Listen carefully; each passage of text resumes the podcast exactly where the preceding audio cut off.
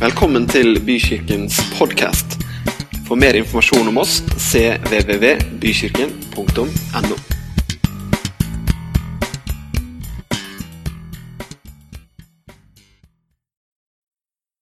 Dere, I dag så er det Holdt jeg på å si, I dag er det søndag, men i dag er det ikke søndag. Det er mandag, og det er pinse. Og Siste onsdagen i april så hadde jeg besøk av to klasser fra Universitetet i Sørøst-Norge. To klasser som eh, var kommet et langt stykke på vei i allmennlærerutdanningen. Og de ønsket å finne ut litt hvem vi frikirkeligheten var, og de lurte på hvordan det var å være barn i en pinsekarismatisk setting. Og jeg hadde et artig møte med dem og så var det En av de som stilte et spørsmål, og det var ja, hva er det som skiller dere da fra alle de andre kristne? Så måtte jeg si det at eh, først og fremst så har vi veldig mye til felles med alle de andre kristne. Det er jo en hel, en hel skog av varianter, har vi skjønt. Eh, men sa jeg, det som er vårt kjennemerke, det er det Jesus snakka om i Johannes 14. 15 og 16, nemlig at det skulle komme en kraft, at han skulle komme og være i oss. Og det gjør livet veldig annerledes. Og det som var fint var da, det var at da hadde veldig mange flytta seg litt sånn på tuppen av stolen. For dette hadde vi ikke helt hørt om. Så, så det er jo noe med den feiringen av en høytid som for oss er en realitet også store deler av året. Forhåpentligvis. Nei, jeg, jeg må ikke le nå. La oss lese noen av de tingene som Jesus sa til sine disipler rett før han, eh, rett før han ble tatt opp. Og du får det her, men det er, vi er i Johannes 14, 15 og 16. Hvis dere elsker meg, det er Jesus som snakker, så hold mine bud. Og jeg vil be Far, og han skal gi dere en annen talsmann for at han skal bli hos dere til evig tid. Sannhetens ånd, som verden ikke kan få siden den verken ser ham eller kjenner ham. Men dere kjenner ham, for han blir hos dere og skal være i dere. Jeg skal ikke la dere bli igjen som foreldreløse. Jeg skal komme til dere. Men talsmannen, Den hellige ånd, som far vil sende i mitt navn, han skal lære dere alle ting og minne dere om alt jeg har sagt dere. Når talsmannen kommer Han jeg skal sende dere fra Far, sannhetens ånd, som går ut fra Far, da skal han vitne om meg. Likevel sier jeg dere sannheten. Det er til det beste for dere at jeg går bort. Hvis jeg ikke går bort, kommer ikke talsmannen til dere. Men hvis jeg går bort, skal jeg sende ham til dere. Når han kommer, skal han overbevise verden om synd, rettferdighet og dom. Om synd fordi de ikke tror på meg. Om rettferdighet fordi jeg går til min far, og dere ikke ser meg lenger om dom fordi denne verdens fyrste er dømt. Jeg har ennå mye å si dere, men dere kan ikke bære det nå. Men når Han, sannhetens ånd, kommer, skal han veilede dere til hele sannheten. For han skal ikke tale ut fra seg selv, men det han hører, skal han tale, og han skal forkynne dere de ting som skal komme. Han skal herliggjøre meg, for han skal ta av det som er mitt, og forkynne det og forkynne for dere. Alt det far har, er mitt. Derfor sa jeg at han skal ta av det som er mitt, og forkynne for dere. Også før dette så snakker Jesus mange ganger om Den hellige ånd. Han er ikke den første som snakker om Den hellige ånd, fordi at profetene snakket om Den hellige ånd. Helt fra Bibelens første side så ser vi at den tredje personen i guddommen, den tredje personen i treenigheten, Den hellige ånd, var der når skapelsen skjedde. Det står om han at Guds ånd svevde over vannene. Og så fantes det en tid gjennom hele Det gamle testamentet hvor Guds ånd, denne Gud i åndsform, kom over spesielle mennesker til spesielle tider for å utføre spesielle oppdrag. Og det var i hovedsak konger og profeter og prester som fikk dette gudsnærværet over seg på en spesiell måte.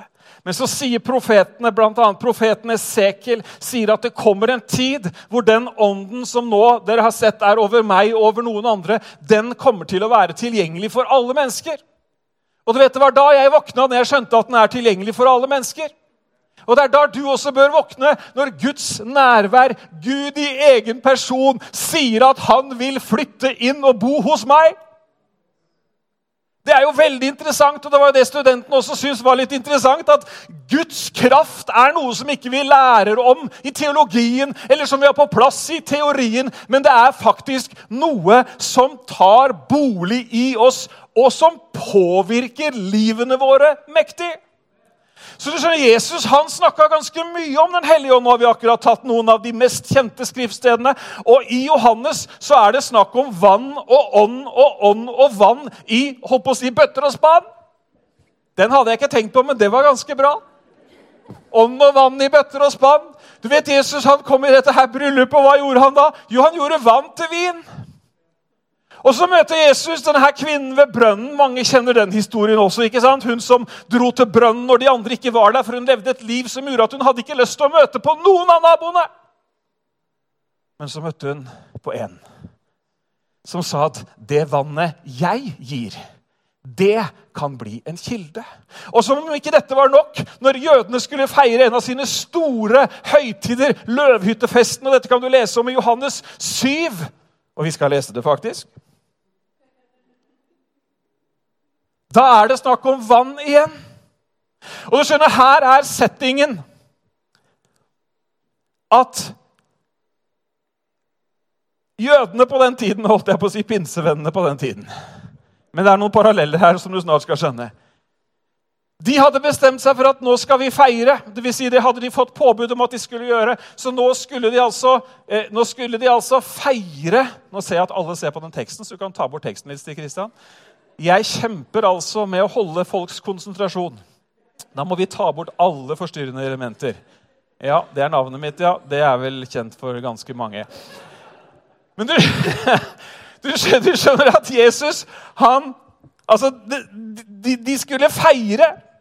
Og du vet, Vi mennesker vi er gode på sånne feiringer og tradisjoner, men det blir fryktelig fort mye tradisjoner.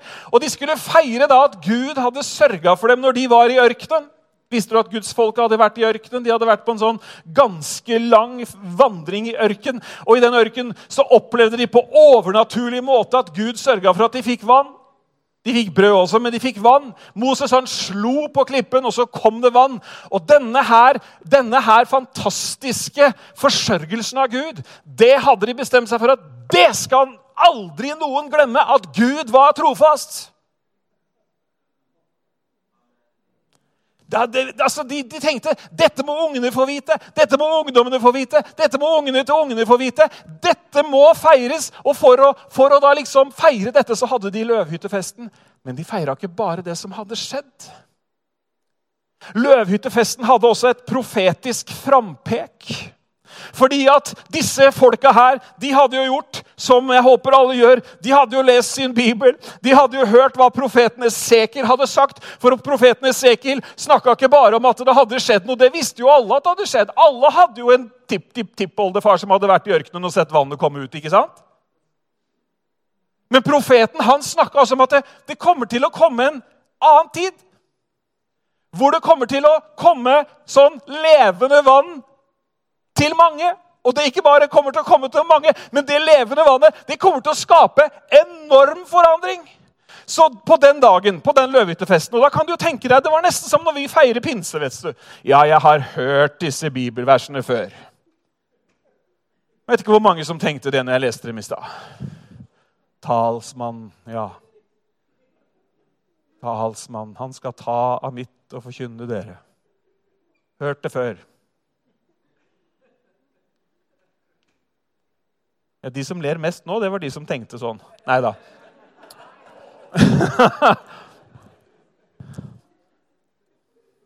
Hørte før. Jeg hørte om en fyr jeg, som hadde hørt det før. Han syntes at det var bedre å sitte og løse sudoku på gudstjenesten eller kryssord eller hva det var han holdt på med, for han hadde i grunnen hørt alt før.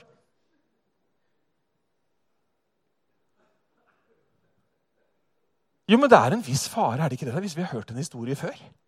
At vi går over på sånn autopilot og liksom forteller poengene før de er, altså, er det bare jeg som er sånn?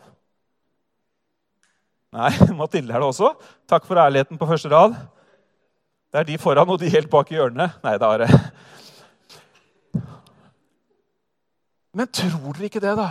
Presten kom der, stilte seg opp på alteret. Og du skjønner, De hadde sørga for at det var en visualisert preken. Så De hadde lagd et rørsystem, og de hadde en som løp ned til Siloadammen med noen krukker. Og så helte han vannet oppi bak der, og så kom det ut fra alteret, sånn som profeten Esekiel hadde sagt, for å vise hva som skulle skje. Hørte det før? Ja, hørte det òg før, ja. Jeg var på life-gruppe en gang med noen eh, likesinnede. Og da var temaet Den hellige ånd. Dette er lenge siden, altså, så det er sikkert ingen som kjenner seg igjen. Temaet var Den hellige ånd. Og jeg så virkelig fram til en helaften, for å si det sånn. Men vet du hva det ble? Det ble en sånn historiekveld om hørt det før. Og alle hadde, hadde, en eller annen sånn litt speisa historie om noen som hadde gjort noe, sagt noe eller oppført seg på en måte som var litt sånn rar, og som kalte det Den hellige ånd. Har du møtt noen sånne mennesker? Har du ikke det? Jo da! Så, så, så, så, så istedenfor liksom å finne ut hva dette her var, så var det sånn hørt det før, og så drar vi noen historier, og så misser man hele poenget. Og der tror jeg Israels barn satt på løvhyttefesten og hørte når de begynte å lese fra profeten Esekiel. Han sa til meg, 'Esekiel, har du sett dette?' Så tok han meg med. Dere skal få følge med på teksten her, faktisk. Så tok han meg med og førte meg langs elvebredden. Det er profeten som får dette synet om hvordan det skal være. Da jeg kom tilbake, var det mange trær både på den ene og den andre siden av elvebredden. Så sa han til meg, til meg dette vannet renner mot området i øst. Det går ned i dalen og renner ut i havet. Når det kommer ut i havet, blir vannet der friskt. Det skal vrimle av liv overalt hvor de to elvene renner. Det skal bli svært mange fisker der hvor dette vannet renner.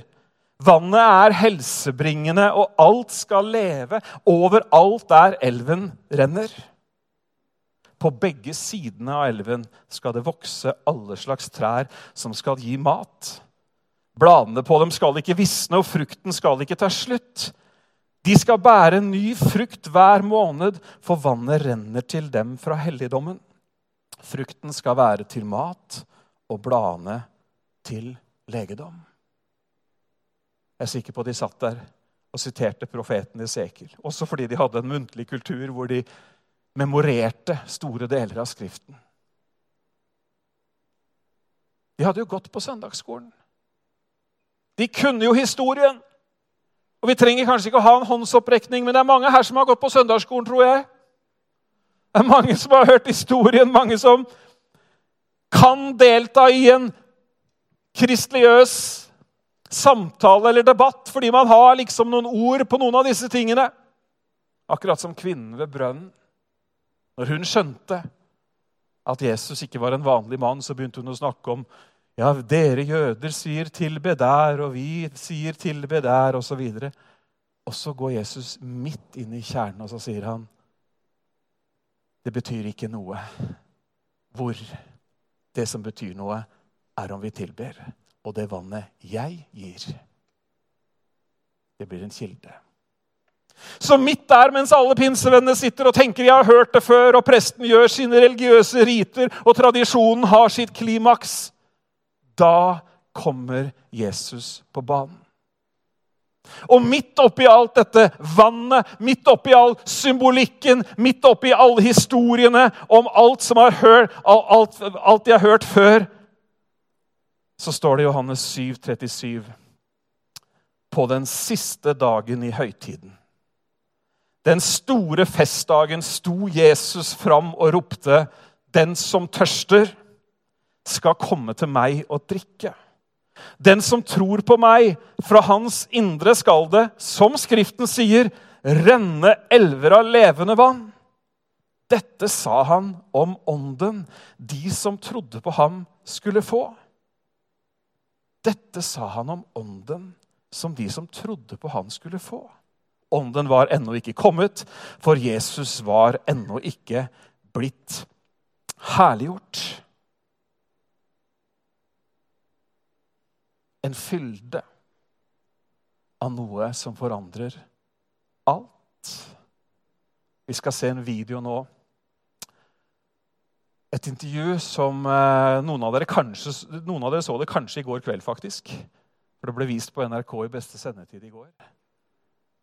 Var ikke det fint, da? Takk til NRK som sender sånn, eh, sånn en, eh, en mandagskveld. Nei, søndag kveld var det. Gå gjerne inn og se det. Alle tiders, alle tiders sanger heter det. 35 norske og svenske gospelartister som har vært i Nashville sammen med Egil Svartdal. og Da kan du få friska opp de gamle slagerne, men du kan også høre sånne historier mellom sangene. Så det, det anbefales.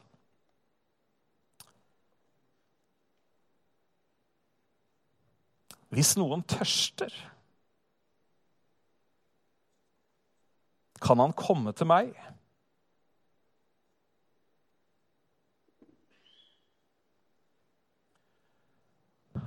Jeg har lyst til å løfte perspektivet ditt og tankene dine rundt hva Den hellige ånd kan gjøre fra fortid til nåtid. Fra i går, eller fra en eller annen gang i historien, og til i dag. Hva hjelper det oss hvis vi hører gode, gamle historier fra gamle dager, hvis ikke det funker for oss nå i dag? Da blir det i verste tilfelle, i hvert fall litt sånn kynisk sagt, da blir det bare en god, gammel historie. Da blir det bare historier om hvor mye bedre alt var før, eller hvor mye sterkere alt var før, eller hvor fantastisk det var at Gud greip inn i den og den situasjonen før. og ikke misforstå meg, jeg tror de historiene har en verdi. Jeg tror det bygger tro, jeg tror det åpner opp øynene våre og hjertene våre. Men vet du at Jesus han snakker alltid til deg i din nå-situasjon.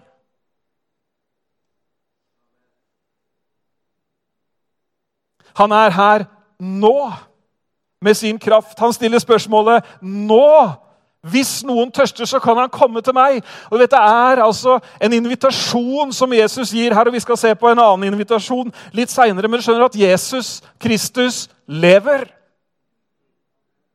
Jeg tror jeg må si det en gang til. Jesus Kristus lever. Og han har sendt Den hellige ånd, og vi har lest skriftstedene hvorfor han sendte Den hellige ånd. Men han har sendt Den hellige ånd som vår hjelper inn i vår nå-situasjon. Kan du tenke på din nå-situasjon? Hva er din nå-situasjon? Du skal få slippe å si den høyt, men du kan jo oppsummere litt nå-situasjonen i livet ditt.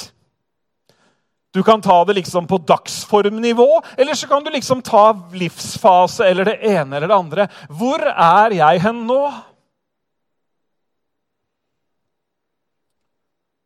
Han snakker om det som du står ovenfor nå, og så vil han komme med sitt nærvær å hjelpe deg.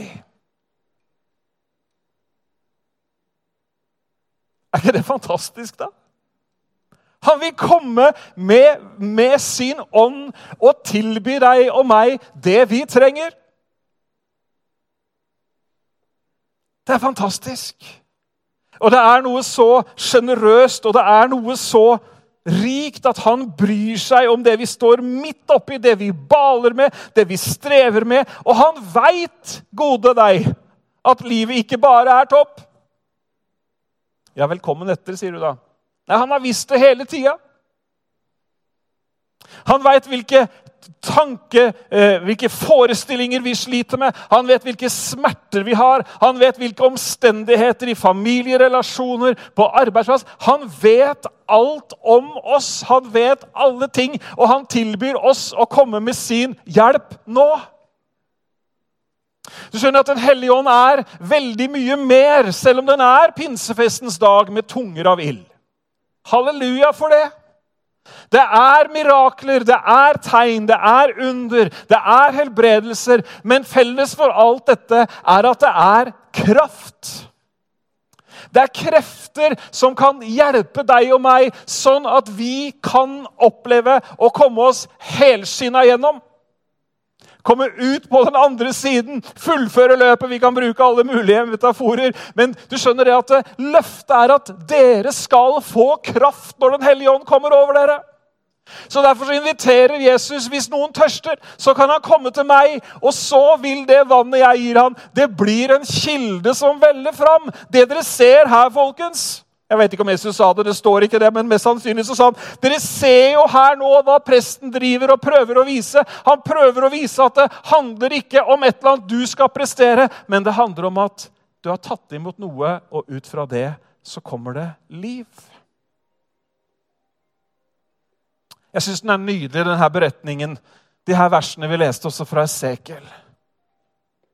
Hva slags kvaliteter som finnes i det her vannet.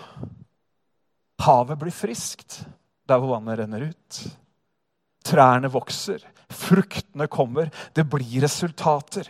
Bibelen snakker veldig mye om frukt.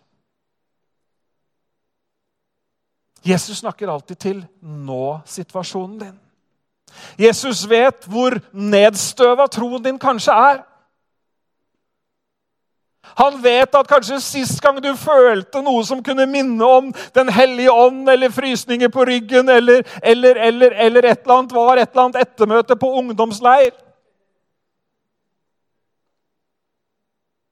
Nå tror ikke jeg du skal få ungdomsleirfølelsen tilbake, for du er ikke tenåring lenger. skjønner du. Følelsesregisteret er litt annerledes når vi har passert 30 og 40. og noen har jo også passert 50. Ja, noen har jo det. Jeg aner ikke åssen det er, men Men spør noen av de som har det. Men han vil stille tørsten. Han vil fylle med Den hellige ånd.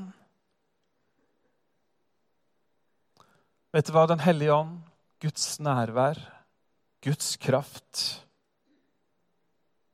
ønsker å koble seg opp mot utfordringene, mot behovene, mot smertene og bli løsningen. I Johannes 20, 21 så sier Jesus Fred være med dere. Min far har sendt meg til denne verden, og på samme måte sender jeg dere. Du vet, Det er jo en preken, det der. På samme måte som far har sendt meg til denne verden, sender jeg dere. Da han hadde sagt dette, blåste han på dem og sa, Ta imot Den hellige ånd. Hvis dere tilgir folk de syndene de har gjort, er de tilgitt. Og hvis dere ikke tilgir dem, er de ikke tilgitt. Invitasjonen til å komme til Han når vi tørster, invitasjonen til å ta imot Den hellige ånd. Jeg vil påstå at hvordan du og jeg responderer på den invitasjonen, kanskje er det viktigste spørsmålet for deg og meg som kristen. Hvordan vi responderer på den invitasjonen om å komme til Han for å drikke, og følgende av det ta imot Den hellige ånd, som han sier her i kapittel 20, det er det viktigste spørsmålet, kanskje det avgjørende spørsmålet for ditt eget liv og for livene til de menneskene vi møter. For responsen på det spørsmålet avgjør hvorvidt det kommer til å flyte levende vann fra våre liv. Det blir jo det hvis vi snur på det. Ikke sant? Hvis vi kommer til Han, så skal det flyte. Men du skjønner det som er så viktig, det som er så, som er så, som er så helt utrolig essensielt å nevne når jeg snakker om dette, er at Gud han gir Den hellige ånd til den som kommer. Ikke til den som har fortjent det. Hørte du hva han sa, han andre her, han som vi akkurat hørte, hørte intervjuet med? Han var jo på ingen måte på et punkt i livet hvor han liksom Nei, nå har du fiksa alt, og livet er på stell, så derfor så kommer jeg og velsigner deg med en liten dæsj av mitt nærvær. Nei, men han kom til han, og så sa han, Gud, hvis du eksisterer, Gud, hvis du er en sånn som løfter folk opp Nå gjengir jeg fritt. Løfter sånne folk som ikke klarer å stå sjøl, opp da vil jeg ha det. Det er nydelig. Det er fantastisk. Sånn er Gud. Sånn er han. Han er kraft, han er visdom, han er alt det du og jeg trenger til. La han forfylle deg. Ta imot Den hellige ånd. Vet du hva? Det siste jeg ønsker å være, er å være en sånn som som det er lett å bli. Sånn derre Been there, done that, got the T-shirt. Kan, kan, vi ikke havne litt sånn med troen vår òg noen ganger? Jeg har tatt meg sjøl i å tenke sånn noen ganger. Når noen forteller meg at vet du hva, nå skjer det noe der, eller nå er det, nå er det et eller annet, så har man jo vært altså Kan vi ikke snakke sant, da? Så har man jo vært med på et og annet tidligere, ikke sant? Men faren er jo at jeg blir en som sitter og løser sudoku. Istedenfor å åpne hjertet mitt. Istedenfor å komme til Han og drikke og la meg fylle.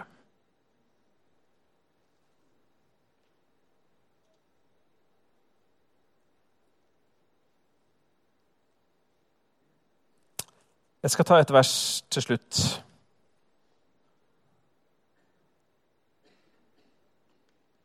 Og du finner det i Romerne 12.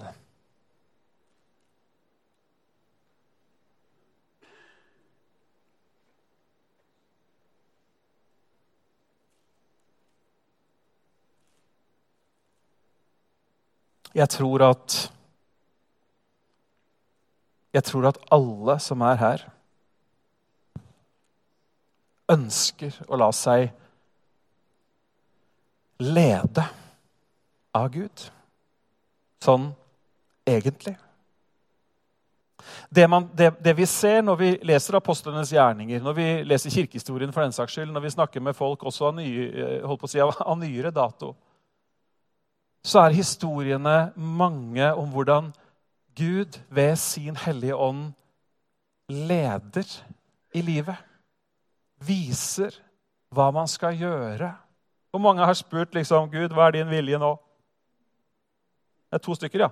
Det var dårlig. Da må vi Ja, det var et par andre òg.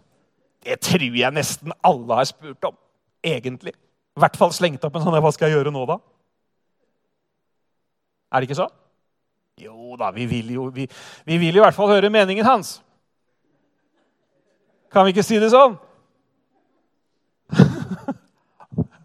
Det vært greit å høre din mening om saken, Gud. Jeg har sjekka med noen andre òg, men har du, har, du du skulle, har, du, har du noe du skulle ha sagt òg? Ja, ja. Sånn har det vært for meg, i hvert fall, men tydeligvis ikke for deg. Dere, Det står eh, i Romerne 12 Derfor formaner jeg dere ved Guds barmhjertighet, søsken, bær, frem, bær kroppen frem som et levende og hellig offer til glede for Gud. Det skal være deres åndelige gudstjeneste. Innrett dere ikke etter den nåværende verden, men la dere forvandle ved at sinnet fornyes, så dere kan dømme hva som er Guds vilje, det gode og det som er til glede for Gud, det fullkomne. Så dere kan dømme hva som Så dere kan dømme hva som er det gode, Guds velbehagelige vilje. Det som er til glede for Gud, det fullkomne. Hvem er det som er eh, Hvem er det som er sjefen i ditt liv? Nei, altså, det er jo et ærlig spørsmål. Det kan jo være deg selv. Det kan veldig gjerne være kona di. Men Jeg sa ikke at det er det for meg. Alle kikka på deg, Julia. Eller det kan, det kan være Nei, men meg, Er det noen flere sjefer i livet? Bikkja? Ja, da, da ligger du Ja, for noen så er det nok sånn òg, ja. Da håper jeg bare er på deler av livet. Kan jo være um, foreldre, ja. Den kom dypt fra egen erfaring. Ja. Det er ikke så lenge til. Nei. Foreldre, ja. Gud, ja. Det kan det være. Ungene, ja! ja. Fy a meg, det kan det også være. Det kan være så mange ting som på en måte egentlig er med på å styre livet vårt. Og spørsmålet da er jo hvem er det vi spør når vi trenger ledelse?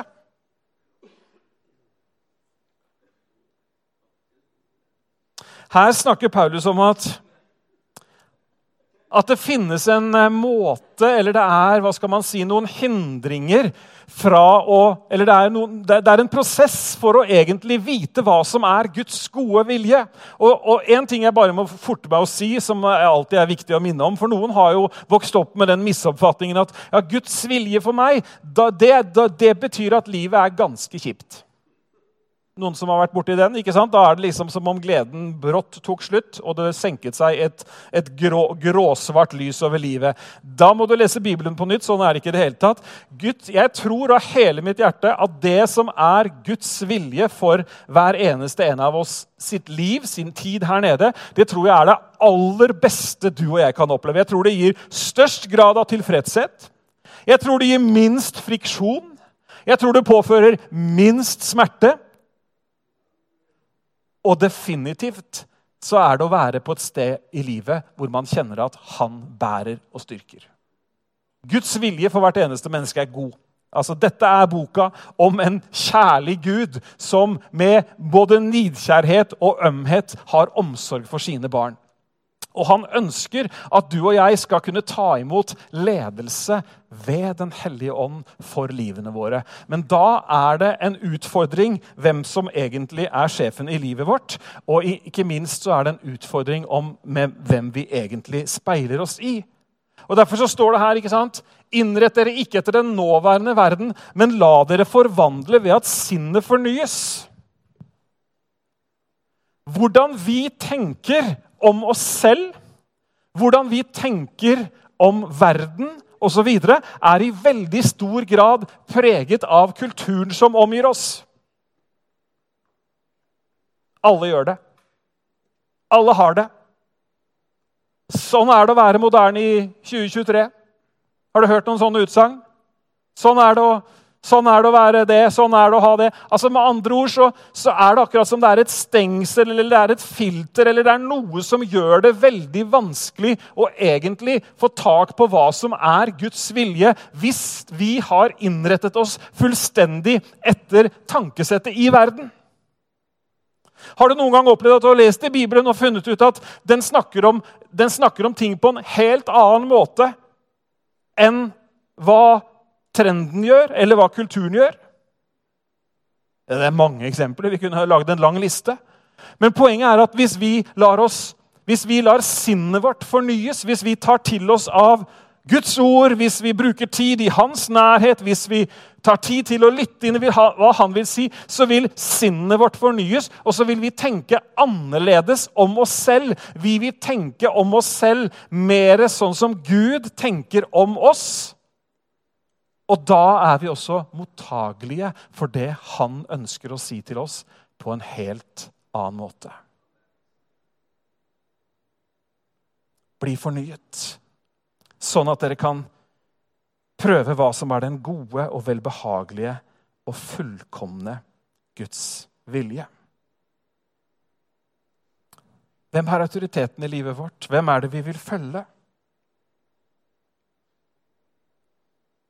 Jeg tror vi har en stor utfordring foran oss bare med å gi Gud tid, med å gi Gud rom, med å gjøre Han til herre i våre liv sånn at vi kan ta imot all den ledelse han har for oss.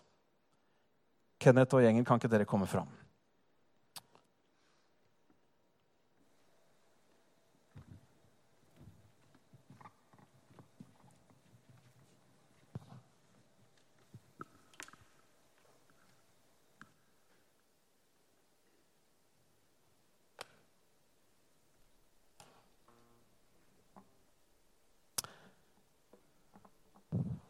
Jeg har lyst til å invitere deg til en ting.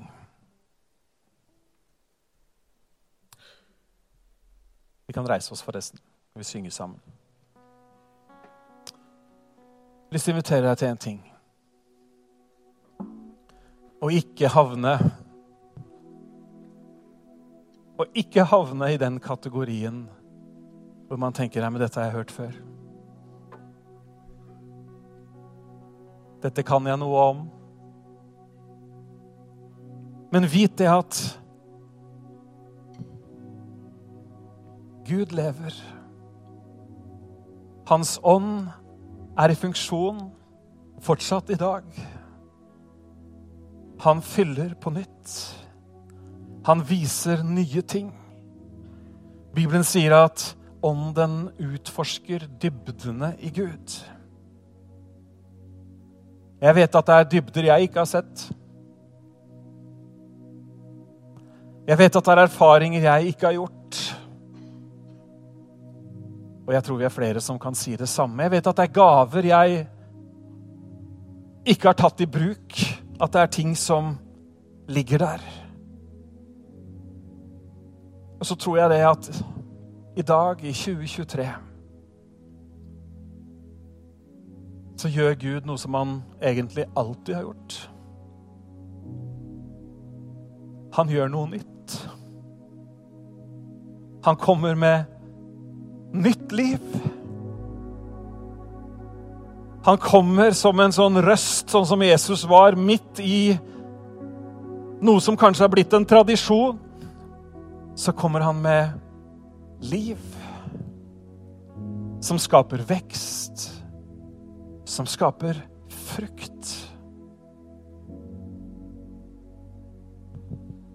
Kan ikke vi bare bestemme oss for at vi vil være et sånt folk som vil søke Gud?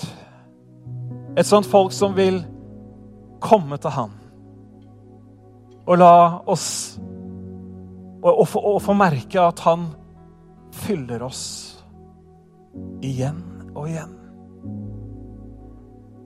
Jeg syns det er fascinerende å lese apostlenes gjerninger. Man skulle jo tro at etter pinsefestens dag og tunger av ild og mektig stormvær og voldsomme manifestasjoner, så skulle man jo tro at ja, men da var vel saken biff.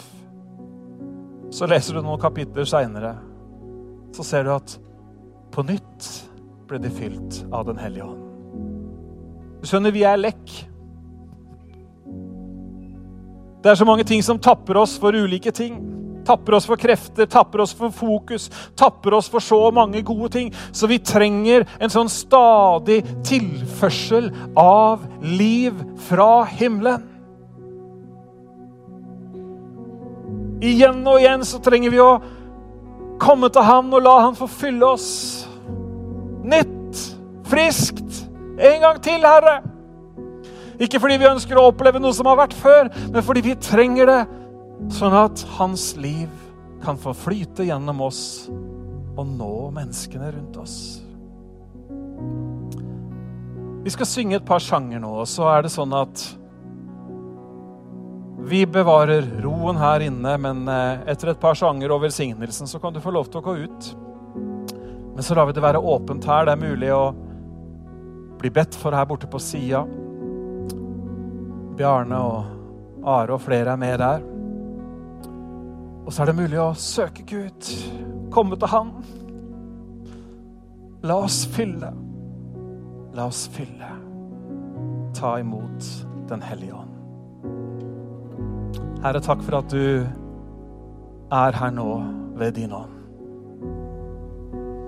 Vi kjenner ditt nærvær, og vi kjenner ditt løfte. Takk for at du vil røre ved mange nå, Herre. De som kommer til deg, vil du fylle med levende vann. Fylle med kraft. Kraft til å være dine etterfølgere, kraft til å være dine vitner, kraft til å møte hverdagen. Kraft som gir frimodighet og styrke, og kraft som har helbredelse i seg. Takk, Herre. Amen. Vær så god.